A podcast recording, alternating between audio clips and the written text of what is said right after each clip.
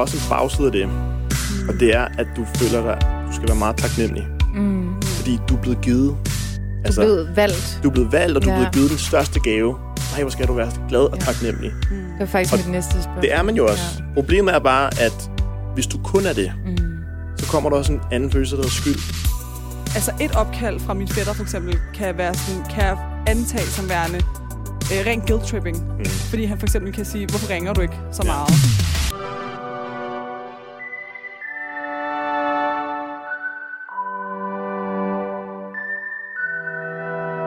Hej Tuba. Hej, Neda. Så øh, er vi, vi er jo på, nu er vi på den her rejse på Silkevejen. Mm-hmm. Øh, I dag skal vi faktisk lidt et sted hen, som ikke er på Silkevejen, men øh, vedkommende, vi har med, kan måske godt nogle gange blive sådan sat lidt i bås med dem, som vi prøver at tale ind til og, og være en del af sådan det fællesskab, som vi prøver at skabe. Ja. Og ligner måske lidt en, der godt kunne være fra Silkevejen. Så øh, vi har jo dig med i studiet, David. Hej. Hej David. Hvordan har du det? Jeg har det godt, tak. Dejligt. Øh, Er der lidt nerve på? er der lidt nerve på? Ja, en lille smule. Hvorfor? Jamen, det er... Ej, jeg vil ikke sige, der er nerver på. Jeg havde, jeg havde planlagt faktisk, at jeg skulle tage hele den her adoptionsmappe, som jeg nu har taget med her i dag, Wow. op i går. Men øhm, ramte vi lige nogle skoldkopper med vores små piger, og det ene og det andet, så der er minus på kontoen på søvn. Ja. Så jeg Det tænkte kan man sådan, ikke okay, se. Nej, det var godt. Det var godt. Jeg har også brugt lang tid. Nej, så, øhm, så det er bare dejligt at komme i gang. Fedt. Men bare lige noget helt andet, David. Øh, Kan vi lave sådan noget øh, legeaftale, så min datter også kan få skål Ja. så vi kan få det overstået? Ja, men det, det siger du bare til. Det kan, jeg, jeg skulle bare tage dem med. Ja, totalt. Bare sådan en skorpe. Tuba, så kan du tage den hjem og lægge det i din datters mad. Ej, det er klart. Føj. Nå, men nu har du afsløret lidt, øh, at det er fordi, du er adopteret, Ja. at du er med. Og vi øh, har faktisk talt om det i noget tid, mig og Tuba, Mm-hmm. at, øh, at altså, hele det her adoptivsminoritet er jo noget, vi ikke rigtig kender til. Vi kan ikke forholde os til det. Helt på samme måde, som du selvfølgelig kan, for du er adopteret. Øh, men vi synes, det er en vigtig stemme at inddrage i det her univers, vi Mm. er ved at skabe her. Præcis. Øh, og hvor er det, du er adopteret fra, hvis du lige gider fortælle det til vores lyttere? Jeg er adopteret fra Colombia. Colombia. Ja. Er, der ikke, er, det, er det der størstedelen af adoptivbørn er fra i Danmark? Jeg vil sige, en, der er en stor del, der er. Ja. Øh, vi er en ret stor community. Øh, men, men hvis man tager... Jeg, jeg er født i 91, Mm. og hvis man kigger på Colombia i den tid, så skete der ret meget i, i landet, som gjorde, at det ville være ret naturligt, at mange blev fattigere, Mm. og mange blev nødsaget til at, til at adoptere væk på grund af økonomi og, og forskellige ting. Men Mm. øh, ikke sagt, at det er gældende for alle, men, men der, der kom et stort øh, boost af adoptiv øh, børn ud af Sydamerika Ja. Mm. I den tid. I Og den det, tid. og det gjorde det også før, men, men specielt også det omkring. Og så lige efter stoppede det faktisk, okay. mere eller mindre. Men det skal vi nærmere ind på. Ja. Men inden vi skal snakke om adoption, så er vi jo begyndt på det her med, at øh, vi beder vores gæster om at tænke over noget, som de undrer sig over i livet generelt, Mm. for at vi kan lære vores gæster bedre at kende, og måske også at vores gæster kan lære os bedre at kende. Så det bliver ligesom lidt sådan et, en ting, du har med, som skal op til debat. Hvad, lad, lad os høre, hvad har du med? Udover den pose, du har med, hvad har du så med? Jamen, udover den pose, jeg er med, jeg, altså, jeg, jeg, jeg er meget øh, undrende og meget nysgerrig af natur, tror jeg. Mm. Øhm, men øhm, jeg deler det her med, med, min, øh, med min far, adoptivfar. Mm. Mm-hmm. Vi er meget nysgerrige på, på apropos spirituel og stjernetegn, vi er meget nysgerrige på rummet og på hele vores eksistens. Ej, jeg elsker jer. Åh, Ja. nej. Ej, jeg elsker Ja, I'm, I'm sorry, men... Øhm, øhm, det, Don't det, be sorry. Nej, men det tror jeg, at det er, øhm, fordi det er, det er nogle af de få ting, som jeg ikke... Det kan vi ikke google os frem til. Vi kan ikke google os, eller... Det, det er noget, der, der kræver lidt øh, debat og lidt samtale, og mm. at man dykker lidt dybere. Og det ligger også ret meget til min natur at gøre. Hvis jeg oprigtigt skal sige noget, jeg går nysgerrig på og undrer mig over en gang imellem, så er det sådan, altså... Hvilket måske også ligger ret godt i tråd med at være adoptivbarn, fordi mm. hele tiden det der med, at du skal fortælle din historie. Hvorfor er det egentlig, at det sker? Det er en Mm. masse tilfældigheder. Ja. Mm. Og sådan ser jeg også lidt livet. Så det, øh, det hænger meget godt sammen i mit hoved. Så det, du undrer dig over, det er vores eksistens Ja. in general. Ja, altså hvad... Det er bredt. altså, det er meget bredt. Men bredt og dybt egentlig på samme tid. Ja. Hvad tror du, Tuba? Hvad er vores eksistens? Tuba Jeg vil sige de her for- snakke. Øh, for ikke for så lang tid siden. Og så før det var, der, var det heller ikke særlig lang tid siden. Jeg, har, jeg er blevet eksponeret rigtig meget for de her typer af snakke her på det sidste. Øh, og jeg ved ikke, om det er, fordi jeg, jeg selv bliver draget af det, eller om dem omkring mig måske er draget af det. Øh, jeg synes, det er rigtig svært at forholde sig til sådan generelt. Også øh, når, når Neda og nogle af vores venner har talt om sådan, ej, men tænk på, hvis du tror, der er liv her, så er der også liv der, og se det her. Øh, man har taget billeder af, se De der det her. Og sådan, og sådan noget. Ja, ja, altså det... det øh, jeg tror, for mig er det rigtig skræmmende at skulle forholde sig til, og jeg tror, min, øh, sådan, min, min hjerne kan ikke kapere, kapere det. Så, så jeg tror også, det bliver sådan et skræmmende ele- element for mig at skulle tage stilling til eller, eller tale om. Jeg synes, jeg skal tale om det, Mm. men jeg synes også, det er skræmmende. Så sådan, jeg ved ikke, hvad mit svar er. Mm. Jeg ved ikke rigtigt øh, om, hvad der er og hvad der ikke er. Jeg ved bare, at jeg synes, det er skræmmende. Jeg tror, jeg har fundet ud af, sådan, at vi ved bare, at vi ikke ved det. Mm. Og det er, sådan, det er nok det, det er den fred, man må komme til det med, altså sådan på mm. en eller anden måde. Men, men altså, vi er også bare for... Altså, vi, vi tror, at vi får sådan superior, hvis vi tror, at vi ved det. Eller ja. sådan, og det er sådan, øhm, og det der med, vi sad havde en snak her forleden om eksoplaneter, og eksoplaneter og planeter, som ligner rigtig meget jorden, som er i andre galakser, som ligger nogenlunde samme mm-hmm. afstand til deres sol, som vi gør fra vores sol, og altså man kan ligesom se på nogle af de billeder, der er blevet taget af dem, at der er noget vandlignende genstande, og der er nogle grønne spots, som godt kan ligne nogle træer og nogle buske og sådan noget, øh, som vil være et godt environment, hvor du kunne være liv. Øh, og det blev Tuba vildt bange for, hvor jeg var sådan, hvorfor, hvorfor er du bange? Hvem siger de onde? Altså, mm. det, er jo, det er jo sådan Hollywood, der har gjort det ondt, at der kommer aliens. Vi er jo onde. Altså, vi skyder over alt noget, vi ser på himlen, som vi ikke ved, hvad er. Altså, der flyver en eller anden ballon rundt, som til synligheden var fra Kina. Ja. Men sådan, bare ideen om, at det kunne være noget outer space, så skyder vi det jo ned, ikke? Jo. Øh, Så vi er jo faktisk de onde. Vi er jo faktisk de aliens, som vi selv portrætterer på tv Ja, i Hollywood. det kan jeg godt følge. Kan du følge det? Ja, jeg, jeg, jeg tror, jeg ser det... Altså, jeg er også meget øh, historieinteresseret. Jeg nørder virkelig meget historie, mm. øhm, kan godt lide at dykke ned i ting, som... Jamen, sådan var det dengang, og hvad er det, der så kan gøre, at det måske er sådan her i dag, og kan man mm. drage paralleller det ene og det andet. Men altså, i virkeligheden, nu er jeg ikke selv særlig religiøs, og hvis jeg er, er jeg måske mere kristen. Mm. Det ved jeg ikke. Det er vi i hvert fald i Colombia, og det er vi også en stor del her i Danmark. Og derfor så... Øhm, det er egentlig i, i mit hoved også bare en historie, der er gået igen og igen og igen, fordi vi siger, at det står på papir, sådan er det. Ja. Mm. Men jeg har ikke noget bevis for, at sådan var det. Det Nej. vil sige, at jeg tror på det. Men det er det. Ja, Fordi hvis, altså, du, altså, du har jo en religion, du tror på, Tuba. Mm. Hvis du kan tro på en religion, som du ikke er blevet bevist, mm. du har bare læst det, altså du har læst om det, og du har hørt om det, mm. men du har aldrig set Gud. Mm. Hvis du kan tro på, det er jo lige så abstrakt som at tro på, at der findes liv andre steder, eller at vi øh, har en eksistens, som fortsætter, når vi ligesom ikke er her mere, eller sådan mm. en sjæl, eller sådan. Det er jo lige så abstrakt, som en religion er. Ikke?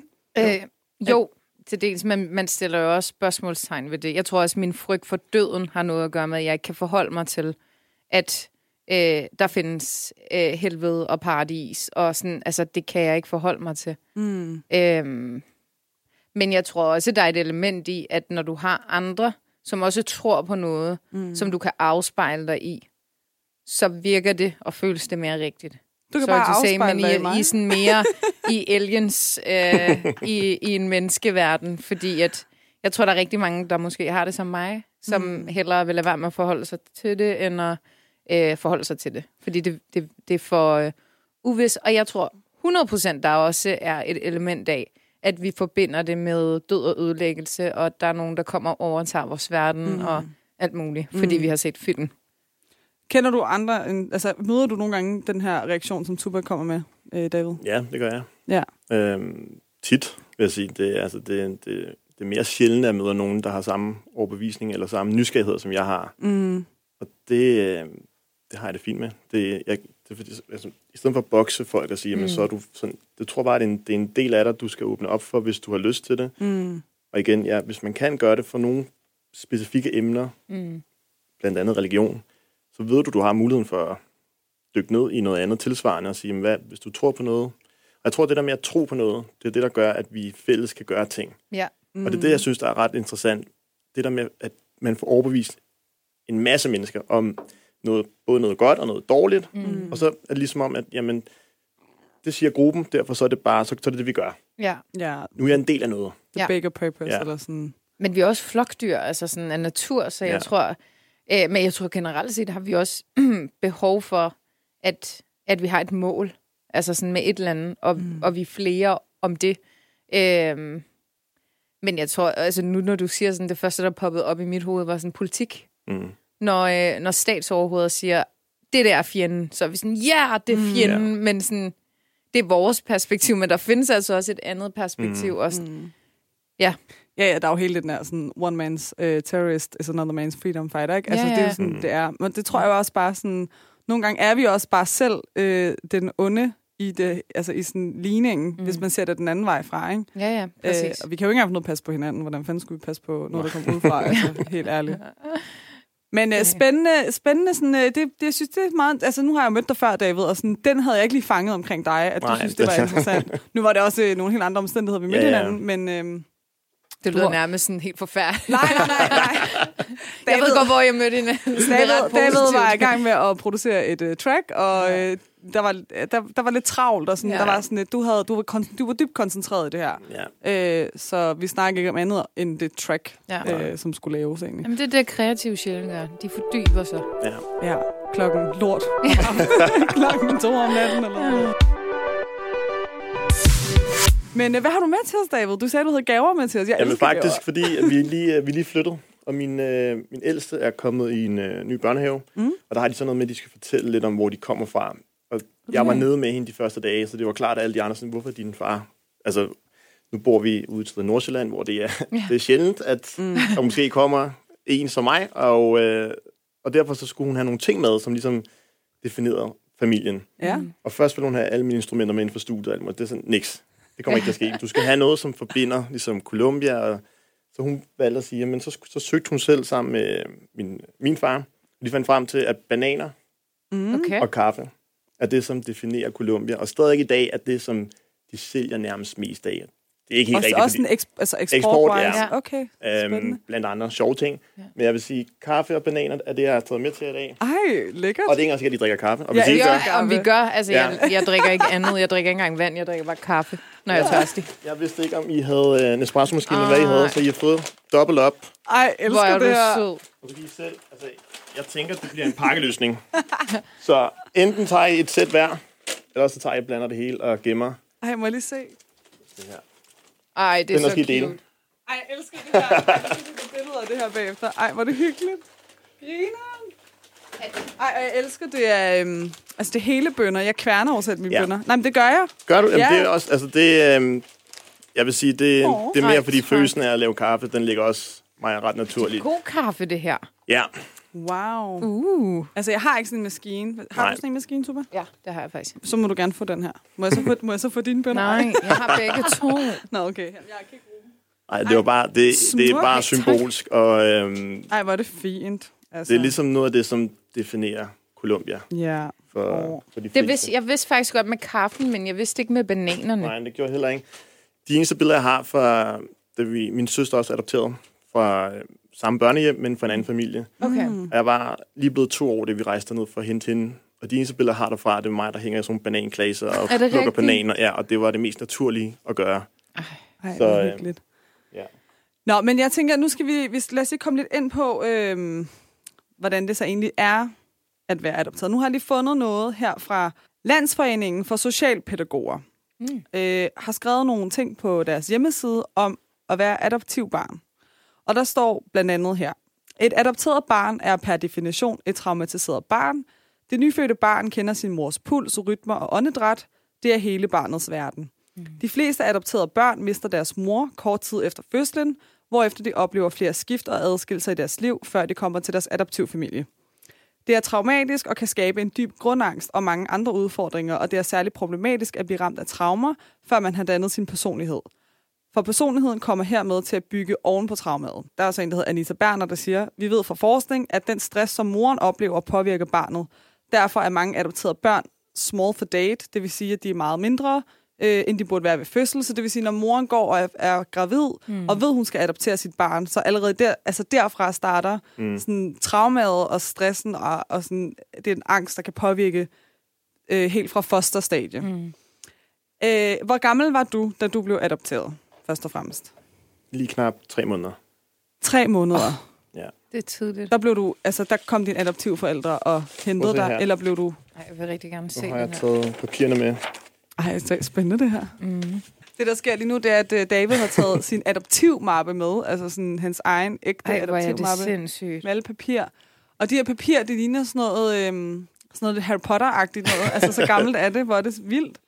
Men det, Ej, det, der er ret vildt egentlig at tænke over, det er, at det er jo kun noget i min voksne tid her, jeg, jeg kunne filosofere over. Det er jo det der med, at hele dit liv lige pludselig er på et, et dokument. Mm. Ja. Det er det jo også for mange andre, når de bliver født. Der kommer jo, øh, hvad det hedder, øh, der kommer jo sværnummer, når du kommer i alle de der ting. Ja.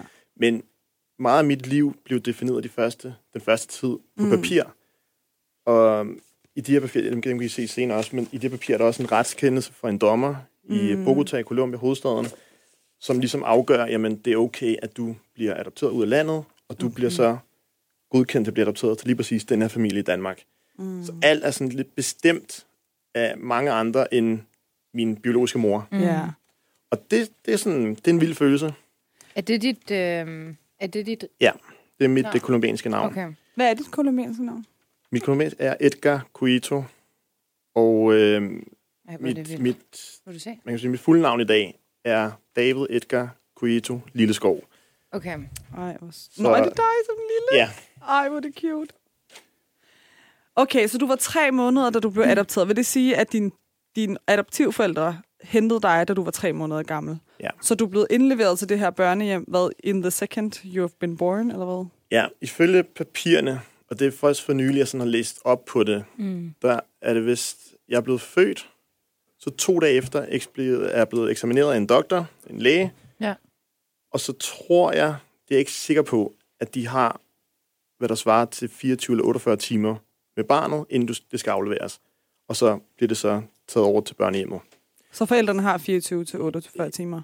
Som jeg husker, det er. Okay. Og det kan godt være, det er længere. Og det kan godt være, det, men det, det er ikke mere end, altså mm. vi snakker meget, meget kort tid. Mm. Øhm, det vil sige, og så kommer du på børnehjemmet, så går der noget tid, og så skal der en masse papir frem og tilbage, og der er en masse ansøgninger, og det ene og det andet. Mm. Så i virkeligheden et mega stort lotteri, Ja. før det, før det går op.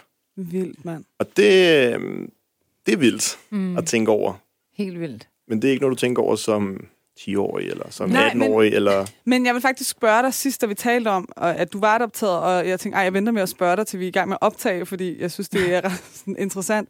Hvornår gik det op for dig, at du var adopteret? Altså, hvornår blev du sådan familiar med, med det, at, altså, hvad, er, hvad vil det sige at være adopteret? Øh, og fandt du ud af det, da du ligesom lagde mærke til, at du så anderledes ud fra dine biologiske forældre? Sådan, hvad, hvad skete der i den proces? Jamen, jeg tror, altså, vi er, vi er, ikke, vi er, ikke, vi er ikke den der familie, hvor at man finder ud af det ved en kæmpe løgn, der bliver afsløret Mm. i en eller anden kæmpe familiedrama. og, altså, jeg har altid vidst, at jeg var adopteret, og jeg har altid fået at vide. Øhm, og som jeg plejer at sige egentlig, så er det en eller anden form for historie, der er blevet bygget op, som jeg altid har skulle læse og genlæse og tro på. Ja. Mm. Faktisk en form for religion. Altså, jeg Mm. tror på det her, det er det, det, der står på papirerne, det må være det, der er rigtigt. Ja. Mm. Så kommer det så til, altså hvor, hvornår er det, vi bliver dannet som men Hvornår er det, vi mærker mest, at vi enten er forskellige for flokken, eller om vi er en del af flokken. Det er jo nok skolen, som, som Ja. definerer det, fordi i skolen er der ikke noget filter. Nej. Og i skolen har der været få, faktisk meget, meget få gange, hvor jeg er blevet gjort opmærksom på, når man, du kender ikke din mor og far, og fuck Mm. dig, og derfor skal vi mobbe dig på grund af det, eller et eller andet, Ja. hvor det virkelig havde gået ind på mig, hvor jeg virkelig har bare taget til mig og tænkt, okay, nu kan jeg virkelig mærke det. Ja. Men Mm. Til, helt tilfældigt endte jeg i klasse med en anden kolumbianer, der også er adop- adopteret fra Colombia. Og det, øh, det gjorde helt vildt meget for mig. Mm. Mm. Og han havde Så også en havde søster. Ja, vi, havde, vi var faktisk fire, øhm, og faktisk endnu flere, der så kom til på samme skole. Mm. Mm. Øhm, det gjorde et eller andet, så man ikke følte, man var helt alene. Ja. Mm. Vi var så meget forskellige, og vi var også at toppes mange gange, fordi vi havde et eller andet temperament, der bare skulle Mm. ud. Men, men jeg har aldrig følt sådan, at jeg ikke var en del af flokken. Nej. Og det der med hudfarve, det har, der har været få gange, som jeg siger, i skolen, hvor, hvor jeg er blevet gjort opmærksom på, at jeg var anderledes. Men jeg har ikke kunnet mærke det sådan på den måde, at Nå, men jeg er adopteret, så jeg må være anderledes. Mm. Mm. Det var bare ligesom, vi måske har op- oplevet, at vi har følt os anderledes nogle gange, Ja. fordi man bare er mørk. Ja. Altså sådan, Ja, der er sådan, og så det, jeg tror også, når man er sådan i den alder, så er det måske ikke så meget, om det er, fordi du er fra det land, eller fra det land, eller fordi du er adopteret, eller fordi dine forældre er flygtet, eller fordi dine forældre var gæstearbejdere. Mm. Det er bare sådan, du er mørk, eller sådan, du ser Ja. anderledes ud, så du stikker ud af flokken-agtigt, ikke? Ja. Men, Øhm, no, sorry. men sådan, nogle af de ting, jeg læste op før, Mm. er det noget, jeg ved godt, du har været lille, lille bitte, selvfølgelig kan du ikke huske det, men kan du, altså som voksen, giver det mening for dig, at de her ting allerede starter i så tidligt et stadie for et adoptivbarn med Ja. traumer? Ja, det gør det. Det gør det. det, øh, det jeg kan ikke genkende det, fordi jeg, jeg har ikke haft det sådan. Og man kan sige, jeg tror, jeg var ret heldig at lande hos en familie, som... Altså, en ting er med adoptionsfamilier. Selvfølgelig skal de ønske det rigtig meget, fordi Mm. mm. det er alligevel en proces på 8-9 år for mine forældre, Ja. før at de kunne hente mig hjem. Mm. For at min mor gerne ville være gravid til at... Altså, det er mange år. Mm. Så, og det kan man godt mærke, den kærlighed, der så kommer. For nu Mm. skete det endelig, og det ene og det andet, man føler sig virkelig elsket og ønsket. Ja. Men, ja, det er jo et øhm, ønskebarn. Ja, det, Altså, det må man sige, det er. Ikke? Præcis. Ja. Og det, nu, øh, jeg ved, de kommer til at lytte til det her, så, men nu siger jeg det med den største kærlighed. Øh, der er også en bagside af det, Mm. og det er, at du føler dig, du skal være meget taknemmelig, Mm. Ja. fordi du er blevet givet. Du Altså, er blevet valgt. du er blevet valgt, og du er Ja. blevet givet den største gave. Nej, hvor skal du være glad og Ja. taknemmelig. Mm. Det var faktisk Og mit næste spørgsmål. Det er man jo også. Ja. Problemet er bare, at hvis du kun er det. Mm. så kommer der også en anden følelse, der hedder skyld. Ja. Ja. Og den der skyld, den kan være så overdrevet, Mm. øhm, påtrængende, og den kan være så overdrevet ødelæggende. Ja. Og det tror jeg, i forhold til det der med at vokse op, det der med angsten i moren og alt det der, man kan sige, jeg har jo ikke kunne mærke i de tidlige stadier, at jeg var adopteret. Mm. Mm. Men jeg har måske godt, når jeg voksede op, og godt kunne mærke, okay, der er nogle andre ting, jeg interesserer mig for. Jeg er jævnt bedre til at spille musik, end mange af mine øh, venner, der også styrker musik. Mm. Kan jeg vide om det, for det kommer ikke fra mine adoptivforældre. Det ligger ikke i blodet. Det bliver min far ked af, at han var DJ. Okay, Han- der, er han- både, der er både sådan, ja. Ja. hvad hedder, social arv og Ja, hvad hedder det- det, øhm, gener. Der det må der være et eller andet af. Øhm, men jeg tror også, at øh, der, er, der, det har aldrig været et tabu hos os. Mm-mm. Hvis I snakker med, med min søster om det her, vil, hun være, vil, vil det være en anden sag. Okay. Og det er ikke, fordi hun er, det er ikke, fordi hun er en lukket person. Hun er bare, hun er ikke, vi er ikke i samme sted omkring adoption. Og hvor jeg måske føler mig halv-halv, halv Mm. dansker og kolumbianer, Ja. der er hun dansker. Det er også lidt sjovt faktisk, fordi du er jo biologisk set helt kolumbianer, Ja. Ja. men du er jo sådan by heart måske helt dansk, eller, sådan, Mm. eller i hvert fald by birth, eller sådan, ja. Ja. jeg ved ikke, hvordan man skal forklare det. Ja. Men det er sjovt, at du føler dig sådan halv. Men jeg kan, godt forstå, jeg kan godt forstå det. Jeg tror, det er jo svært at sige, når man ikke er det, men jeg tror måske, jeg vil have det på samme måde, at man vil føle sig sådan halv, halv fra det ene sted, halv fra Men det det nogle gør gange, du jo også. Altså. Men, og nogle gange føler jeg det selv nu Jamen, det er her, det, jeg at jeg, sådan, jeg kan være, jeg føler mig sådan halv dansk, halv iransk, Ja. selvom mm. jeg er Mhm. helt iraner. Altså sådan, ja. ja. øh, Same. ja. Gør, du, gør du også det? Ja, men Ja. jeg tror, altså sådan, selvfølgelig er man, jeg er ikke vokset op med etnisk danske forældre, men, men der er jo stadig en miljøpåvirkning, og mm. dine omgivelser har jo også en effekt på, hvordan du ligesom danner dit jeg. Så jeg tror, på det punkt er der noget fællesskab i, at man sådan også er noget, øh, og man er også det andet. Men Ja. så er det måske forskellige faktorer, der trigger det, øh, i forhold til, hvad man føler sig som, ikke? Men der er også bare sådan helt klassisk med, at man som søskende altså, øh, handler forskelligt på ting, Mhm. og, og, altså sådan, og det kan være hvad som helst. Ikke? Jeg har en bror, vi håndterer ting meget forskelligt. Altså, det kan Mhm. være med alt muligt. Øh, vi, er fra, vi er født af samme forældre, altså sådan, vi har Ja. lavet det samme stof, Mm. men vi er så forskellige i Ja. måden, vi sådan, vores personligheder, men også vores håndtering af følelser og alt sådan noget. Ikke? Øh, og, sådan, så, og vi er jo endda biologiske, ikke? Mm. Og din søster og dig er jo ikke biologiske søskende, men I er jo stadig søskende. Ja, ja. Øh, men men det, er sådan, det er jo egentlig meget naturligt, at man, man reagerer forskelligt på tingene. ja. Men når man deler et fælles traume, som I gør, jeg deler også nogle traumer med min bror, øh, så kan man nogle gange godt sidde og føle sådan, hvorfor kan vi ikke gøre det her på samme mm. måde? Ja. Hvorfor kan vi ikke have hinanden i det her på samme måde? Øh, men, men det kan være, at de lige så vel tænker, hvorfor kan du ikke gøre det på min måde? Mm. Så har jeg dig i min proces. Mm. Ikke? Ja. Og det er sådan en, den er rigtig svær at knække, den der. Ja. Øhm, og så, så er det måske det der med at finde et fællesskab med nogle andre, som kan forstå en. Ja, Ja. Gøre tingene på, på, på, på den måde, man selv gør det på. Ikke? Men jeg Øh. tænker også i forhold til, sådan, når vi taler... Nu sagde du, du, du fik et fællesskab af andre, som også havde kolumbiansk baggrund. Øhm, når du oplevet, Altså, det, det her det er også sådan en, en refleksion og et, og et spørgsmål. Hvis du i dine tidlige skoleår, eller også senere skoleår, oplevede diskrimination på baggrund af din hudfarve eller din familiære forhold, øh, og din historie. Hvor, hvor meget føler du, at din, dine forældre kunne afspejle sig i de følelser, som, som du ligesom gik og bar på? Tror du, det, det ville have været sværere for dig, hvis du ikke havde haft det fællesskab med andre, som faktisk havde den samme baggrund som dig selv? Ja, men jeg tror, at ja, altså, jeg tror, at miljøet betyder rigtig, rigtig meget. Faktisk så meget, at, at det, er jo, det er jo der, jeg er hjemme. Mm. Og selv den dag i dag, kan det være min tætteste familie, som er dem, jeg skal vende de her tanker med, fordi på trods af, at det ikke er alle, der er adopteret, så er det dem, der kender mig bedst. Ja. Og jeg tror, at øh, altså, jeg godt kunne vende ting med mine forældre øh, herhjemme, og føler, at de kan spejle sig, fordi de kender, de kendte jo til historien på en, på en anden mm. måde, end jeg gjorde. Mm. Og øh, jeg har egentlig ikke rigtig, jeg har ikke søgt det der, jeg har ikke søgt øh, den der accept eller, eller øh, kan man sige, flokdyrkelse så meget Nej. hos de andre, der er adopteret fra Colombia. Fordi vi, vi voksede op og blev meget forskellige. Mm. Øhm, så blev jeg lidt ældre, og så synes jeg, det var rigtig nice det der med at møde andre kolumbianere, og jeg kan genkende kolumbianere, når jeg ser en kolumbianer. Ja. Det er omvendt også, og det er, sådan, det er ret vildt. Jeg vil sige, det, det er nok mere 8 ud af 10 gange, jeg kan genkende. Mm. Men det der med, at du føler, øh, og specielt når man så ved det, man snakker sammen, og snakker man om historien, og hvordan, altså, alle os, der er adopteret fra Colombia i Danmark, vi har en million forskellige holdninger til, hvordan det er at være adopteret. Mm. Mm. Og den der klassiske med, at vi ikke kan finde vores identitet, vi kan ikke det ene og det andet, vi skal søge hjem for at finde ud af. Ja. Jeg har aldrig haft den, men jeg har været mega nysgerrig på den. Ja. Og jeg har til tider været ret ked af, at jeg ikke har haft den, fordi jeg tænkte sådan, jamen, så, altså, jamen, så er jeg jo ikke det. Er jo, så er jeg jo ikke det. Mm-mm. Det er, jo alle dem, det er jo alle de andre, der har den der, de skal finde hjem, og Mm. hvorfor kan jeg ikke, hvad er det så, jeg skal finde hjem til? Er det så det her? Og jeg tror, at for mig handler det om, at det der med at være nysgerrig på det, og hele tiden lære noget nyt omkring mig selv. Mm. Nu siger du traume. Jeg har aldrig set det som et Det er traume. det ord, de bruger. Ja, ja og det er, det, det, det er klassisk, fordi, altså, face it, jeg har selv to børn nu. Mm. Jeg skulle give sit barn væk efter tre måneder, Ja. øhm, eller efter 48 timer, for den sags skyld. For Forfærdeligt.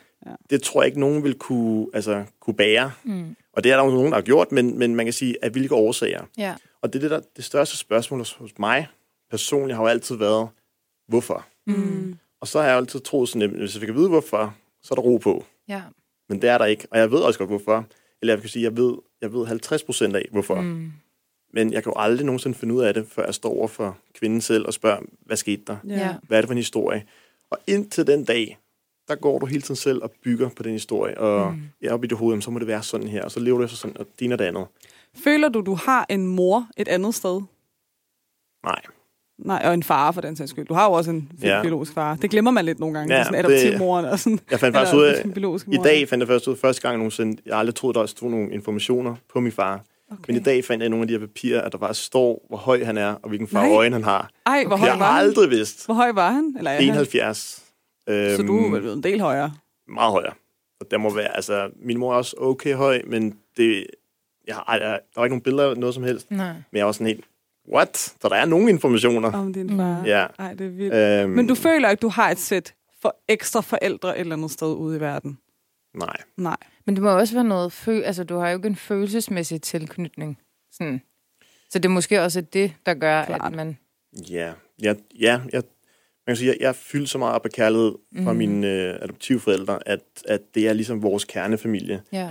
Og både mig og min søster er jo vokset op med, at du behøver sikkert være øh, genetisk forbundet, før at der er den der følelse. Nej. Men det gør så også, at vi har nemt ved måske at tage andre ind, Mm. og så nogle gange låse dem fast, fordi for os, det der med at have en relation, det behøver jo ikke at være genetisk forbundet, og, og hvis vi siger, at nu er vi bedste venner, lad os sige, at der, vi møder en gruppe, og sådan, nu skal vi være til det, så kan jeg måske godt have en tendens til at sige, overgøre det lidt, fordi jeg er så bange for, hvis det så ikke, fordi det hele tiden er så tæt på smuldre. Mm. Og det er den der skrøbelighed, der ligger med, at du er adopteret. Du ved hele tiden, okay, det her var ikke sådan meant to be, men nu skete det. Og det skete af kærlighed fra alle sider forhåbentlig. Men det er så skrøbeligt, Mm. så tilfældigt. Mm. Det kunne ind så mange andre veje. Apropos det der med at undre mig over, det er jo derfor, jeg nogle gange godt kan undre mig sådan lidt. Ja, det forstår jeg godt. Hvorfor? Altså, ja. Mm. Og, øh, Og hvad var der sket, hvis det havde været anderledes, eller hvis den Mm. dommer ikke lige havde godkendt den der retssag, og sådan, altså, hvad så? Der kunne være så mange ting.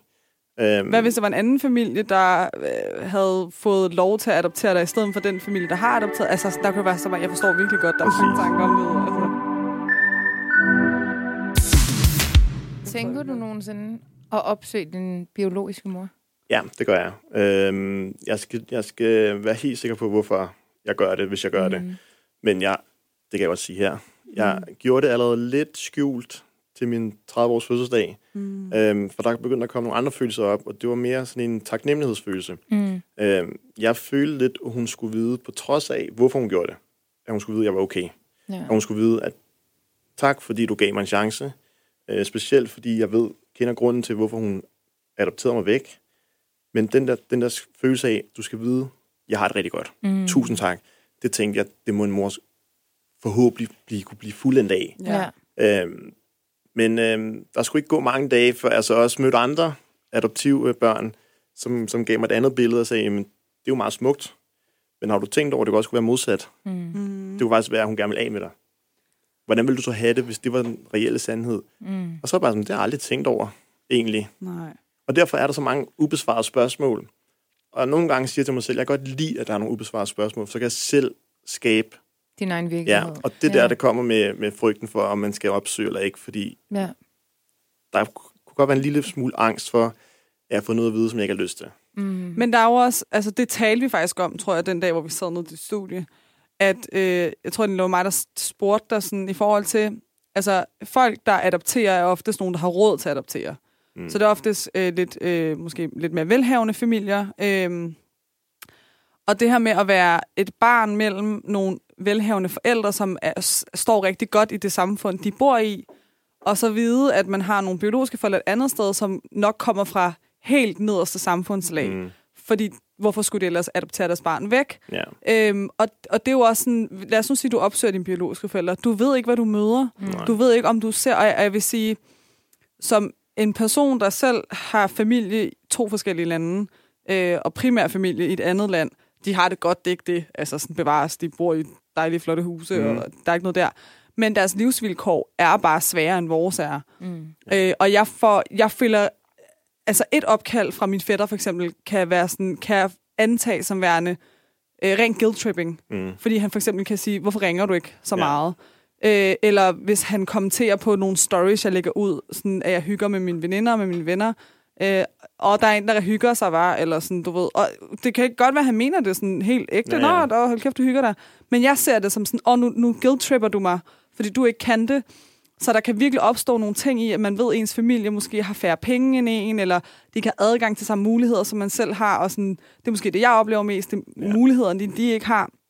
Men det kan, det kan virkelig skabe en eller anden Øhm, det kan skabe noget helt, et helt andet traume, som du ikke har lige nu. Ja. Øh, og det er jo også sådan, hvad, hvad så bedst? Skal man fortsætte med at være i den her fantasiverden, man selv kan få lov til at bygge op, mm. eller skal man tage dig ned? Det kan være, at det bliver mega smukt og mega godt, men hold kæft, for kan det også være, at det bliver det mest ja. ødelæggende for dig mm. at, at møde det, du kommer til at møde. Ikke? Øhm, så det er virkelig sådan, jeg tror, at der er mange overvejelser i det. Øh, ja, nej, jeg bliver sådan helt... Ja, men, må, man, ja, ja. må man spørge om, hvad den, altså, hvad den officielle grund øh, ja. er i ja. papirerne?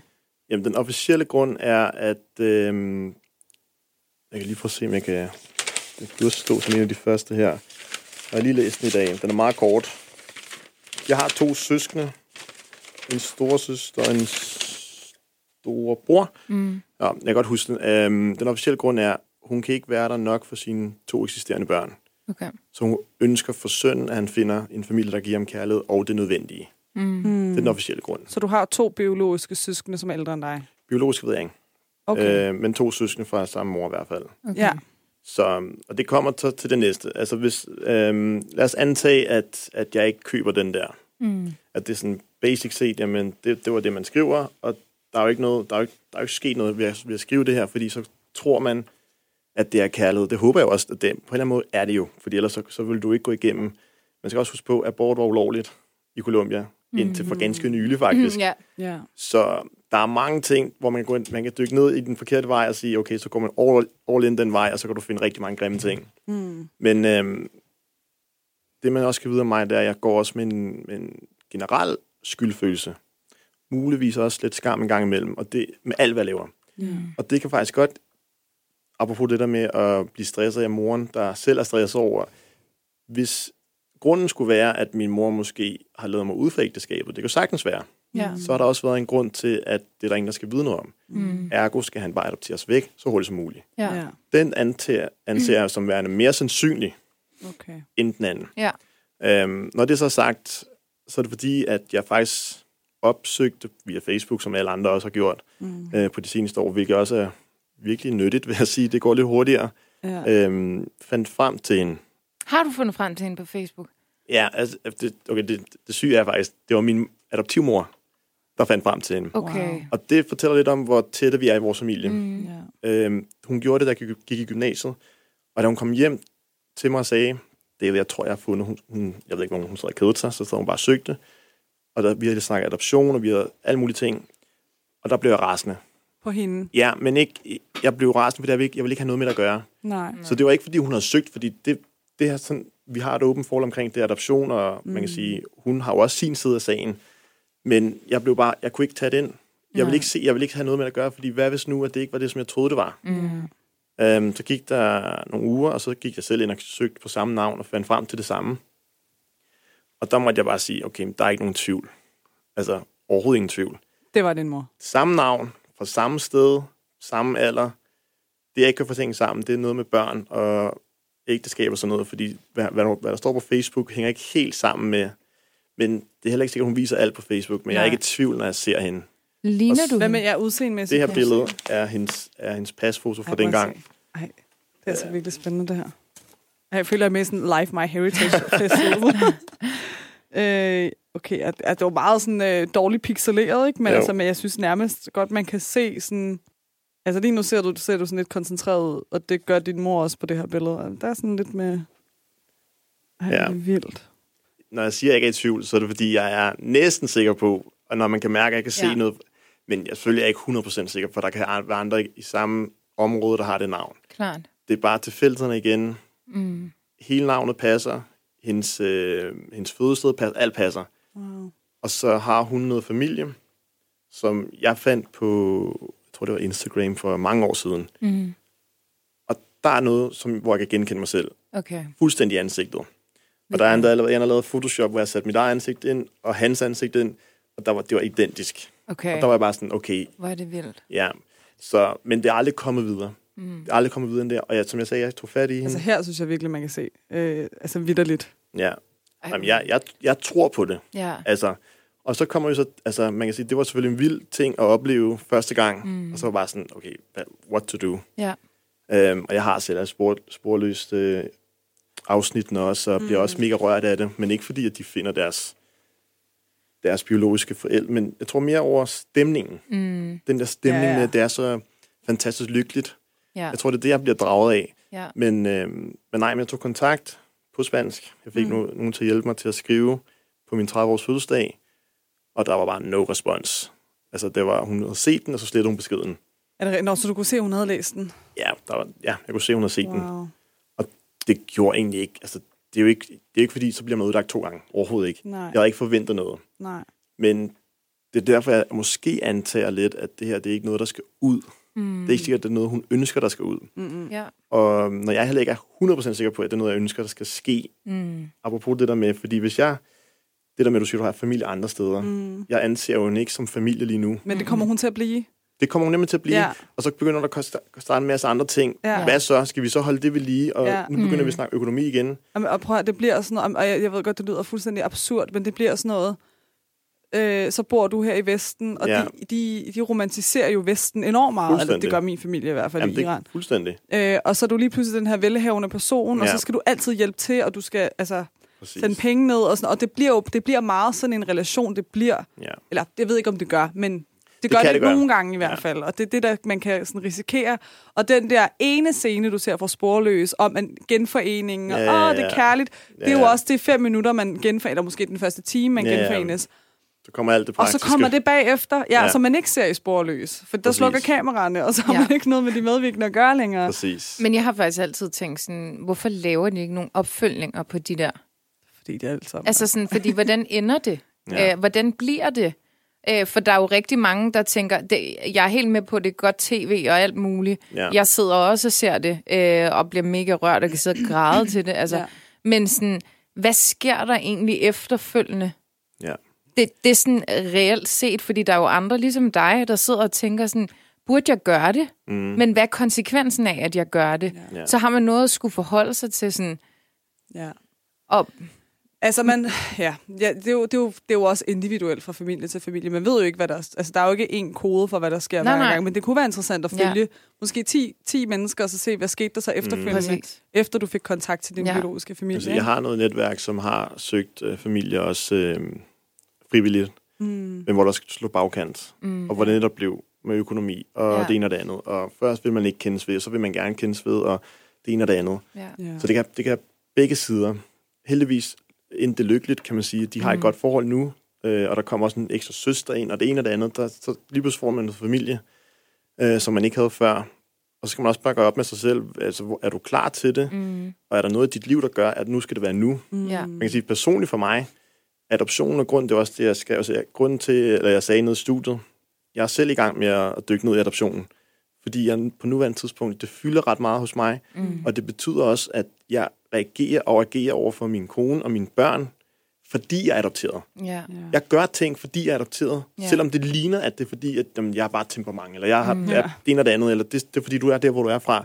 Nej, der er rigtig meget, der er i adoptionsboksen. Ja. Mm. Og hvis ikke jeg griber ned i den, Ja. så ændrer det sig ikke. Nej. Og en ting er, at min kone skal leve det igennem, men mine børn skal også leve det igennem. Ja. Og for dem ønsker jeg bare, fordi I kan forestille jer, aldrig har kendt til nogen, der ligner en. Ja. Ja. Aldrig have samme blod. Ikke engang min søster. Ja. Hun er meget lysere, end jeg er og lavere. Det der med at se sit barn første gang, Mm. Det er faktisk, faktisk første gang, du ser noget biologisk. Ja. For dig. Ej, vildt. Det er så, altså jeg, og jeg, jeg er næsten ikke engang rigtig forstået det endnu. Ej, det er Øhm, mærkeligt. vores første ligner mig på en prik. Mm. Nummer to, ikke så meget. Not so much. Men jeg vil bare det, den der følelse der, den er så fantastisk. kan man egentlig nogle gange selv tage for givet, mm. at man har sådan... Jeg kan jo godt nogle gange blive sådan, Ej, jeg har ikke særlig meget familie. Jeg har fem familiemedlemmer i Danmark, resten bor i Iran. Jeg taler ikke med tre af dem, dem der bor i, altså sådan, du ved, det er virkelig sådan mærkeligt. Men i det mindste har jeg noget biologisk ophav. Jeg, mm. Har, jeg har, så kan det godt være, det er meget småt, men jeg har det stadig. Ja. Mm. Øh, og nogle gange så er det det der med at se tingene i nogle andre perspektiver, ikke? Jo. Men det smukkeste er jo så, at du fører det videre, og du så skaber dit eget. Ja. Jeg faktisk gerne læse noget op her igen fra ja. Landsforeningen øh, for Socialpædagoger, som skriver det her, og det bed jeg bare mærke i forhold til, at du sagde med, at du skrev ting på din 30-års fødselsdag, fik ikke noget svar, men det gjorde dig egentlig ikke yderligere sådan, for du kan jo ikke blive ked af det to gange. Nej. Men det her, der står her, det, det er noget, jeg også godt kan genkende ved at have, bare have oplevet øh, i går så en almindelig svigt i en barndom. Øh, og jeg tænker måske, se om du kan genkende det, Mm. Tuba. Men der står her, en overlevelsesstrategi kan være skintilpasning, hvor barnet bliver dygtigt til at afkode, hvad de voksne forventer, øh, men hvor barnet i virkeligheden slet ikke kan mærke sig selv. En anden overlevelsesstrategi kan være at vige tilbage fra nære relationer, for det opleves for, opleves for farligt at tilknytte sig. De børn øh, kan være ukritiske over for nye voksenkontakter, måske endda foretrække vikaren eller den nye medarbejder i dagtilbuddet, fordi dem, man kender, kan finde på at svigte en, og fordi den fremmede altid er mere uforpligtende i kontakten, end det menneske, du kender godt. Mm. Øh, og det synes jeg faktisk er virkelig interessant, det her med, altså den der frygt af at for at blive forladt, eller for at Mm. blive sådan efterladt. Du har jo allerede din parade op, øh, Mm. når du sådan, nå, jamen så svarer hun ikke, mm, okay, Mm. øh, hun har svigtet mig en gang, Mm. Hun kan da bare gøre det igen. Jeg kan ikke, altså sådan, du kan ikke slå mig ihjel to gange. Nej, eller nej, sådan, nej, du nej. ved. Øh, men sådan, har det påvirket dine relationer gennem dit liv, og måske også gennem dit voksenår? Fordi jeg kan godt mærke, jeg har sådan helt personligt selv nogle gange de der sådan, hvis folk kommer for tæt på, så bliver jeg rigtig bange for at miste dem, og så Ja. altså, sker der ting op i min hjerne. Ikke? Altså Ja. sådan, har du oplevet de her ting igennem dit, dit Ja, opvækst? har jeg. Ja, Jeg, jeg har levet med en vanvittig jalousi, ja. siden jeg var helt ung. Og den jalousi, den, den bunder faktisk ikke så meget i, øh, jeg tror, følelsen af at blive for... Jo, den, den bunder følelsen, men også følelsen af at være anderledes. Mm. Fordi når du indgår i relationer, det kan enten være i gode venskaber og andre, kan man sige, også kollegaer i branchen, for mig i musikbranchen, jeg kan være sindssygt misundelig Mm. og jaloux på ting, nogen der får succes, fordi at så minder det mig om, gud ja, du er også lidt anderledes, så du, hvorfor skulle du kunne nå de ting? Og at sådan en følelse af, at de er nok også bedre end mig. Ja, præcis. Ja. Og, øhm, og apropos det, vi snakker om før, det der med, hvornår er det tiden til at dykke ned i det. Ja. Mm. Og for mig er det nu, fordi jeg kan mærke, det er nemlig sådan nogle ting, hvor at, at også i mit forhold, og også i min tidligere forhold, det har været den der, ja, det bliver destruktivt, Mm. hvis ikke du tager hold omkring, hvad er det, der bygger ind i dig. Og der var, der var en meget sød veninde, der sagde forleden, øh, det der med at, jeg, med at være taknemmelig, det der med at hele tiden føle, eller føle, at man skal sige tak, fordi at du kommenterer, du, du har fået hele verden, og som hun sagde, du har faktisk allerede oplevet det værste traume, du kunne, mm. bare før du vidste det. Ja, det er rigtigt. Og det havde jeg aldrig tænkt over. Den, og det var også det, du siger, det der med, at din mor forlader dig i princippet. Det er jo det største traume. Ja. Så derfor er du godkendt til at have al den kærlighed, mm. du vil fra nu af. Ja. Mm. Og når du ser det på den måde, det er derfor, jeg måske er blevet bedre til at snakke om adoption og dykke ned i mm. det, også at være lidt mere neutral, fordi det er ikke, fordi jeg kan føle, at jeg bliver mere øh, påvirket følelsesmæssigt, når jeg snakker med jer om det, end hvis jeg snakkede med en kammerat eller min kone om det, eller noget som helst. Men når jeg dykker ned i det, så er det, fordi jeg er nysgerrig. Ja. Og det, jeg, jeg har mærket det der med at være ekstrem jaloux, og at være ekstrem vred, og altså vente en af, hvor jeg siger, okay, det må være, fordi du er adopteret. Ja. Det er derfor, de følelser kommer. Ja. Du er, du er som, fordi der må være et eller andet. Men så bagefter at sige til dig selv, okay, jeg kan ikke finde ud af, hvorfor. Hvad er det, hvor, altså, hvad, hvad er det i adoptionen, der gør? Mm. Og det er jo sådan nogle ting, hvor man så må søge svar i, det ved jeg ikke, i den der nysgerrighed, som jeg snakker om, at bruge ja. noget tid på at dykke ned i, hvad er det, det handler om, at snakke med andre, der har det på samme måde. Ja. Men jeg har mærket det. Ja. Jeg har mærket det specielt på, på jalousien og. Ja. følelsen af, også i de meget tidlige år, mm. ikke at passe ind. ja. Jeg har jagtet de forkerte grupper. Jeg havde faktisk skrevet det som et spørgsmål øh, i mine noter. Sådan, er der egentlig nu, når du er voksen, hvor at du har en, en type adfærd, som du, altså sådan, når du reflekterer over, tænker sådan, gud, det kommer egentlig derfra. Øh, så sagde du det så selv, men, men sådan, er der, øhm, er du som menneske også bange for at blive efterladt? Ja, det er. Det er. Jeg, jeg tror, som af natur er jeg bange for, at ting skal ophøre. Mm. Øhm, det, det sjove er, eller ironiske ved det er, at det har jeg i hvert fald læst mig frem til, men det kan jeg også mærke selv. Mm. Når man har det sådan, så kan man nogle gange godt opsøge, fordi man gerne vil have det overstået. Mm. ja, det bliver sådan selv. Så Man faktisk- antager, at ja, det kommer. du antager, så i stedet for at vente på, lad os sige, et øh, ungdoms øh, kærlighedsforhold i Ja. gymnasiet, i stedet for at vente på, at det skal ødelægge det hele, og bare altså, tage min verden helt ud, Mm. så lad mig selv gøre noget nu, for at, for at få det overstået. Ja. Hvilket er selv, altså, Ja. ja. fuldstændig vanvittigt. Men ja, 100 procent. Og i dag, jeg tror, jeg har lært at leve med det som jalousi, men også det der med at så få børn, at du lige skubber dig selv væk, fordi Mm. mm. det er hele den adoptionsting, du bliver, du synes selv, du er meget unik. Lige pludselig, så får du den der, at det hele er så underligt og så specielt, at det, det er once in a lifetime, sådan noget. Altså, Ja. men man skal tage lidt på afstand en gang imellem og sige, jamen, det er sådan, det er. Hvis man så ser statistikker over, hvor mange der bliver adopteret samme måned mm. fra Colombia, så er du ikke lige pludselig særlig unik. altså, så Ja. har du bare et nummer, det er bare, bare og så, så er det jo sådan, det er.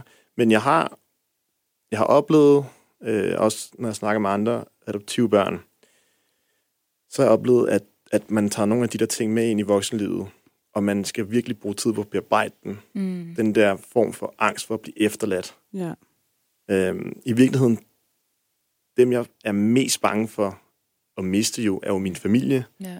øhm, kone og mine børn, men specielt min mor og også, og min søster. Hvorfor? Fordi de var de første. Det er dem, jeg har gået den her tur med længst tid. Ja. ja. Så, og så har jeg et specielt, meget, meget specielt forhold til min far. Mm. Det er altid, og det, i alt, hvad jeg ser, læser, øh, film, musik, alt, det der far-søn-forhold ja. hos mig, har det altid fyldt ekstremt meget. Altså, når du siger, er at I har et specielt forhold, så det er altså på en positiv På to, måde? ja, positivt, Ja, ja, men også følelsesmæssigt. Ja. Øhm, følelsesmæssigt godt forhold. Vi snakker om alt. Mm. ja. Og han er også min bedste ven. Det er ligesom... Jeg tror... Nu lyder det også tavligt. Det skal jeg, ikke, det skal, jeg skal ikke sige det på en tavlig måde. Men jeg tror også, han har givet så meget kærlighed, at det på en måde også nogle gange kan give en bageffekt. Mm. Forstået på den måde, at du, du bliver... Øhm, når du bliver overdøset mm. med kærlighed, og du er den bedste, og du skal bare det, og du kan gøre lige, hvad du vil. Ja. så på et tidspunkt mangler du noget robusthed. Du mangler noget, og det er ikke, fordi han ikke har, han, han har været verdens bedste far, men han har banet vejen, kridtet vejen. Rigtig ja. kølingbarn. Altså virkelig. Det ligger naturligt for ham, og det har han altid, og det har min mor også, mm. værdsat, og det er, jo det, det, det, er jo det, vi kommer af. Men jeg kan bare nu som far selv fornemme lidt, okay, for ikke at ende sådan helt skrøbelig, helt følsom, mm. for det har jeg været, og det er jeg stadigvæk, Mm. så tror jeg lige, jeg skal sætte nogle rammer for børnene, så de ikke kommer, altså, så de kan slå lidt fra sig, ja. hvis der skulle komme nogle dage også, hvor det bliver svært. Mm. Men det er jo lige præcis det, jeg, jeg talte om før, det her med, altså sådan, det, er jo, det, er jo, det er jo en sjov konstellation. Du er jo egentlig øh, af natur et, et underklassebarn, som er vokset op i et overklasse hjem. Mm. Altså, det er jo sådan mærkeligt, og jeg tror, der er noget genetisk, som, sådan, som vil clashe, altså uanset hvad. Så sådan, altså, er du blevet kølet, og du var nok ikke blevet kølet, hvis du var vokset op i Colombia af dine biologiske forældre. ikke. Måske var du, måske var du ikke, men i hvert fald ikke den her vestlige curling-ting, som vi Nej, kender nej, nej. til, som er enormt, sådan, hvad det nu også er. Øh, og det er sådan, jeg synes, det, jeg synes, der er noget interessant i det, Mm. At, altså, ja, at du, du nok også har nogle indre sådan, kampe med dig selv om, Ja. hvor hører du til? Altså, sådan, Ja. der må være noget identitet i det. Men Ja. jeg vil sige, hele det her med svigt og føle sig, øh, ja, frygten for at blive, øh, hvad hedder sådan noget, forladt og alle de her ting, dem kender rigtig mange af os. Altså, øh, jeg tror rigtig mange med anden etnisk baggrund generelt har, altså, bunch of traumas. Altså, sådan, Mm. vi kommer alle sammen fra ødelagte familier nærmest, og Ja. Vores forældre har oplevet krig, og dit og dat, og så kan det godt være, at vi har dem, men, men de har sgu heller ikke været øh, de sådan... Eller de har bare forladt deres hjemland for at komme og arbejde her, og skulle starte på ny, og sådan, så har der været en masse udfordringer. Og det, det er sgu en ret fælles følelse. Mm. Øh, og det, er sådan, det kan man, det, er sådan, det synes jeg egentlig, og også i forhold til det her univers, vi prøver at skabe her i den her podcast, synes det er et vigtigt budskab, at. Mm. at den der følelse af svigt, den kan komme fra rigtig mange mm. steder fra, og den kan se rigtig forskellig ud. Ja. Men følelsen er jo nok altid den samme, og outcomet af det, som desværre er sådan nogle, øh, det kan være jalousi, eller det kan være øh, selvsabotage, fordi man er bange Ja. for, at andre øh, Mhm. gør en ondt, så starter man selv med at gøre det. Alle de her ting. Det tror jeg bare ligger i rigtig mange af os. Øh, så vi er nok heller ikke så forskellige igen, sådan på det plan, mm. egentlig. Øh, og det er også det, der var spændende ved at have dig med, fordi du kommer fra noget helt andet. Altså, Ja. Ja. kommer fra noget helt andet, hvad vi kender til. Du har nogle helt andre problematikker. Men, Men jeg er hører meget, dig, der kan, man kan genkende. jeg, jeg, hører, ja, jeg hører dig sige så mange ting, jeg selv oplever. Mm. Jeg hører dig sige så mange ting, mine venner og veninder oplever, som har anden etnisk baggrund, som kommer fra øh, Ja. Mellemøsten, eller som, som bare har nogle andre slags traumer med sig. Øhm, og det er, sådan, det, det er sgu ret spændende. Altså, jeg synes, det er, altså, det er det virkelig. Jeg vil gerne lige læse den sidste fact op her. Jeg synes bare, det var interessant. Antallet af internationale adoptioner til Danmark er faldet drastisk. Der blev fra 1970 til 2011 formidlet ca. 20.000 børn, primært fra udviklingslande. Fra 2009 begyndte tallet midlertidigt at falde, og i årene 2009 til 2017 kom der i alt kun 2.030 børn til Danmark. I 2018 var antallet nede på 64 børn. Øh, der er flere årsager til, at antallet af adoptioner er faldende. Der er mange hypoteser, men ingen fast viden. En årsag kan være, at mulighederne for at få børn ved hjælp af fertilitetsbehandling er blevet bedre, så flere vælger denne løsning frem for adoption. En anden faktor er, at de lande, øh, som børnene bortadopteres fra, i højere grad selv er i stand til at finde pleje eller adoptivfamilier til spædbørn. Øh, det er sådan, at i forhold til, du nævnte helt til at starte med, at der var en, en, en periode, hvor der blev adopteret rigtig meget, mm. og, så, og så faldt det sådan lidt igen. Men jeg synes bare, det var en, en vigtig faktor lige at få med, hvordan Klart. det egentlig ser ud i hele det her sådan adoptivland, som vi egentlig ikke rigtig kender til. Øh, og, og dejligt, at, at i landene, de selv også er begyndt at kunne sådan, tage hånd om det her. 100%. Øh, og som du også selv siger, så er der måske noget abort, som er blevet lovligt, og sådan, Ja. der er måske nogle, der, der er måske sådan en levestandard, der er blevet ja. bedre, siden du var lille spæd, ikke? Jo. Øhm, og i hvert fald noget mere viden måske om, omkring ja, protection og sundhed osv. osv. Ja. Hvordan har det været at tale om, David? Du er selv på en rejse, hvor du udforsker rejse, ja. din Det, adoption. jeg vil sige, der var en rigtig god øh, start at gøre det her, fordi mm. det, det åbner op for nogle, en masse spørgsmål også efter, mm. som man kan dykke ned i. Og bare det her med at kunne dele de her oplysninger om, hvordan processen har været, synes jeg også er virkelig givende, fordi at, så bliver du ligesom en del af det igen, bare på et andet plan, hvor du kan se det lidt mere oppefra. Mm. Og så synes jeg bare, det er ekstremt øh, givende, det der med, at I kan sætte det sammen med det der med at være efterkommer, eller være anderledes. Ja. Øhm, jo er et sindssygt eksperiment, putte så mange forskellige nationaliteter i samme land, og vi er meget, meget lille land, Danmark, Mm. men med mange muligheder. Ja. Mm. Så vi har jo også tid til, det skal vi også huske på, vi har jo mega god tid til at dykke ned i de her ting. ja. Nu kan jeg huske, at jeg snakkede med Nima, tror jeg det var, omkring det der med, øh, at i gamle dage, der havde man jo ikke tid til at dykke ned, og nu skal det ikke blive for langt, vi skal nok afslutte. Nå, men Men i gamle dage, der kunne man ikke dykke ned i den her psykologi eller og psyken, fordi man havde simpelthen ikke tid til den. Der var krig, der var økonomi, der Ja. var alle mulige ting. Ja. Nu har vi det faktisk ret godt. Ja. Øhm, hvilket jeg også siger til mig selv, det kan være en af grundene til, at jamen, selvfølgelig går jeg op i de her ting nu, fordi jeg skal ikke tænke på, jo, jeg har min familie, jeg skal, tø- jeg skal tænke på hverdagen og de der ting, mm. men ellers har jeg rimelig gode muligheder for at dykke ned i det her. Og så synes jeg også, jeg har et ansvar for at gøre det, og derfor synes jeg, at jeres podcast er virkelig, virkelig god, Tak. så man kan måske gense eller gå ind og høre nogle ting, hvor man, hvor man siger, at her hører jeg måske lidt mere hjemme Ja, i forhold til så meget, og hvornår snakker man ellers om det her. ja. Ja. Jeg snakker ikke med det med mine venner om det særligt tit. Mm.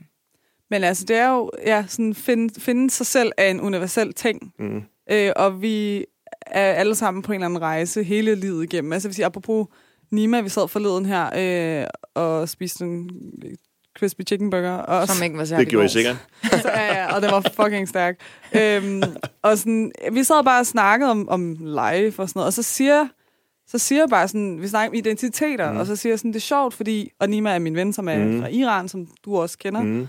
Øh, David, og Nima sagde, øh, nej, vi snakker om identitet, og så siger jeg, det er sjovt, fordi da jeg lærte øh, ham at kende, og nogle af de andre iranere, som jeg har lært at kende inden for det sidste halve år, eller måske siden september måned, øh, der gik det op for mig, sådan, at, eller i den proces har jeg fundet ud af, at jeg er mindre iransk, end de er. Altså, det er jeg. De er Mhm. vokset meget mere iransk op. De kommer fra nogle andre typer hjem, som er mere traditionelle. Jeg kommer fra et meget åbent hjem, hvor alting har været meget sådan whatever-agtigt Mhm. med en enlig mor. Øhm, men det har faktisk gjort, at i stedet for at være sådan, åh, hvem er jeg så? Så har jeg fundet ud af sådan, men jeg er mere iransk, end jeg egentlig troede, jeg var. Mm. Mm. Og jeg har fundet ud af, at jeg vil gerne være det mere. Altså, jeg kan godt Mhm. lide det. Altså, jeg begyndte at lave iransk mad, og vi sådan, dyrker alle mulige iranske ting, og sådan... Øh, vi, ja, vi taler farsi, når vi er sammen, og bare spørger Tuba, hun kan ikke følge med i halvdelen af samtalerne. Vi glemmer nogle gange, at hun ikke kan forstå, hvad vi siger. Det har fået mig til at sådan, øh, sådan dyrke mine iranske rødder på en rigtig sund måde. Og det er bare sådan en kæmpe opfordring til, hvis man møder et fællesskab, hvor man kan spejle sig selv i noget, Ja. i stedet for at sige til sig selv, at jeg er en afstikker fra det her. Fordi jeg kan lige så meget et eller andet, som de andre er. Hvis du kan se dig selv i det, Ja. udforsk det, prøv det af, altså sådan lær af det, Ja. ja. og sådan blom, opblomstre ind i dig selv på en eller anden måde. Jeg synes virkelig, det, det kan noget. Men David, tak fordi du tog os Tusind med tak. til Colombia en lille tur, og du tog Colombia med ind i studiet, Ja. og Tak fordi du har, komme. Du, du har delt dine uh, adoptivpapirer, som er virkelig smukke. Jeg tænker, vi må gerne lægge det ud på vores Instagram. Ja, ja, det må noget jeg af det. Uh, vi skal nok lige I må selvfølgelig... lægge, I øh, må lægge det hele ud, skulle vi- jeg sige. vi skal nok lige blinde sådan noget CPR-nummer. Ja, ja. Og, Men, øh, er øh, og dine spændende. forældre lytter jo højst sandsynligt med, og hvis I har lyst til at være med i et afsnit, så er I meget velkomne, fordi Ej, så kan ja. vi få deres perspektiv. Det kunne være ret... Øh... Om at være adoptivforældre. Ja, det Ej, synes ja. jeg faktisk kun... 100% sikker på, at I kan lokke min far ind. Her kommer der sådan en direkte invitation til, Ja. hvad hedder din far? Ulrik. Ulrik. Ja. Slå på tråden. Ja. Tak for i dag. tak. Tak for i dag.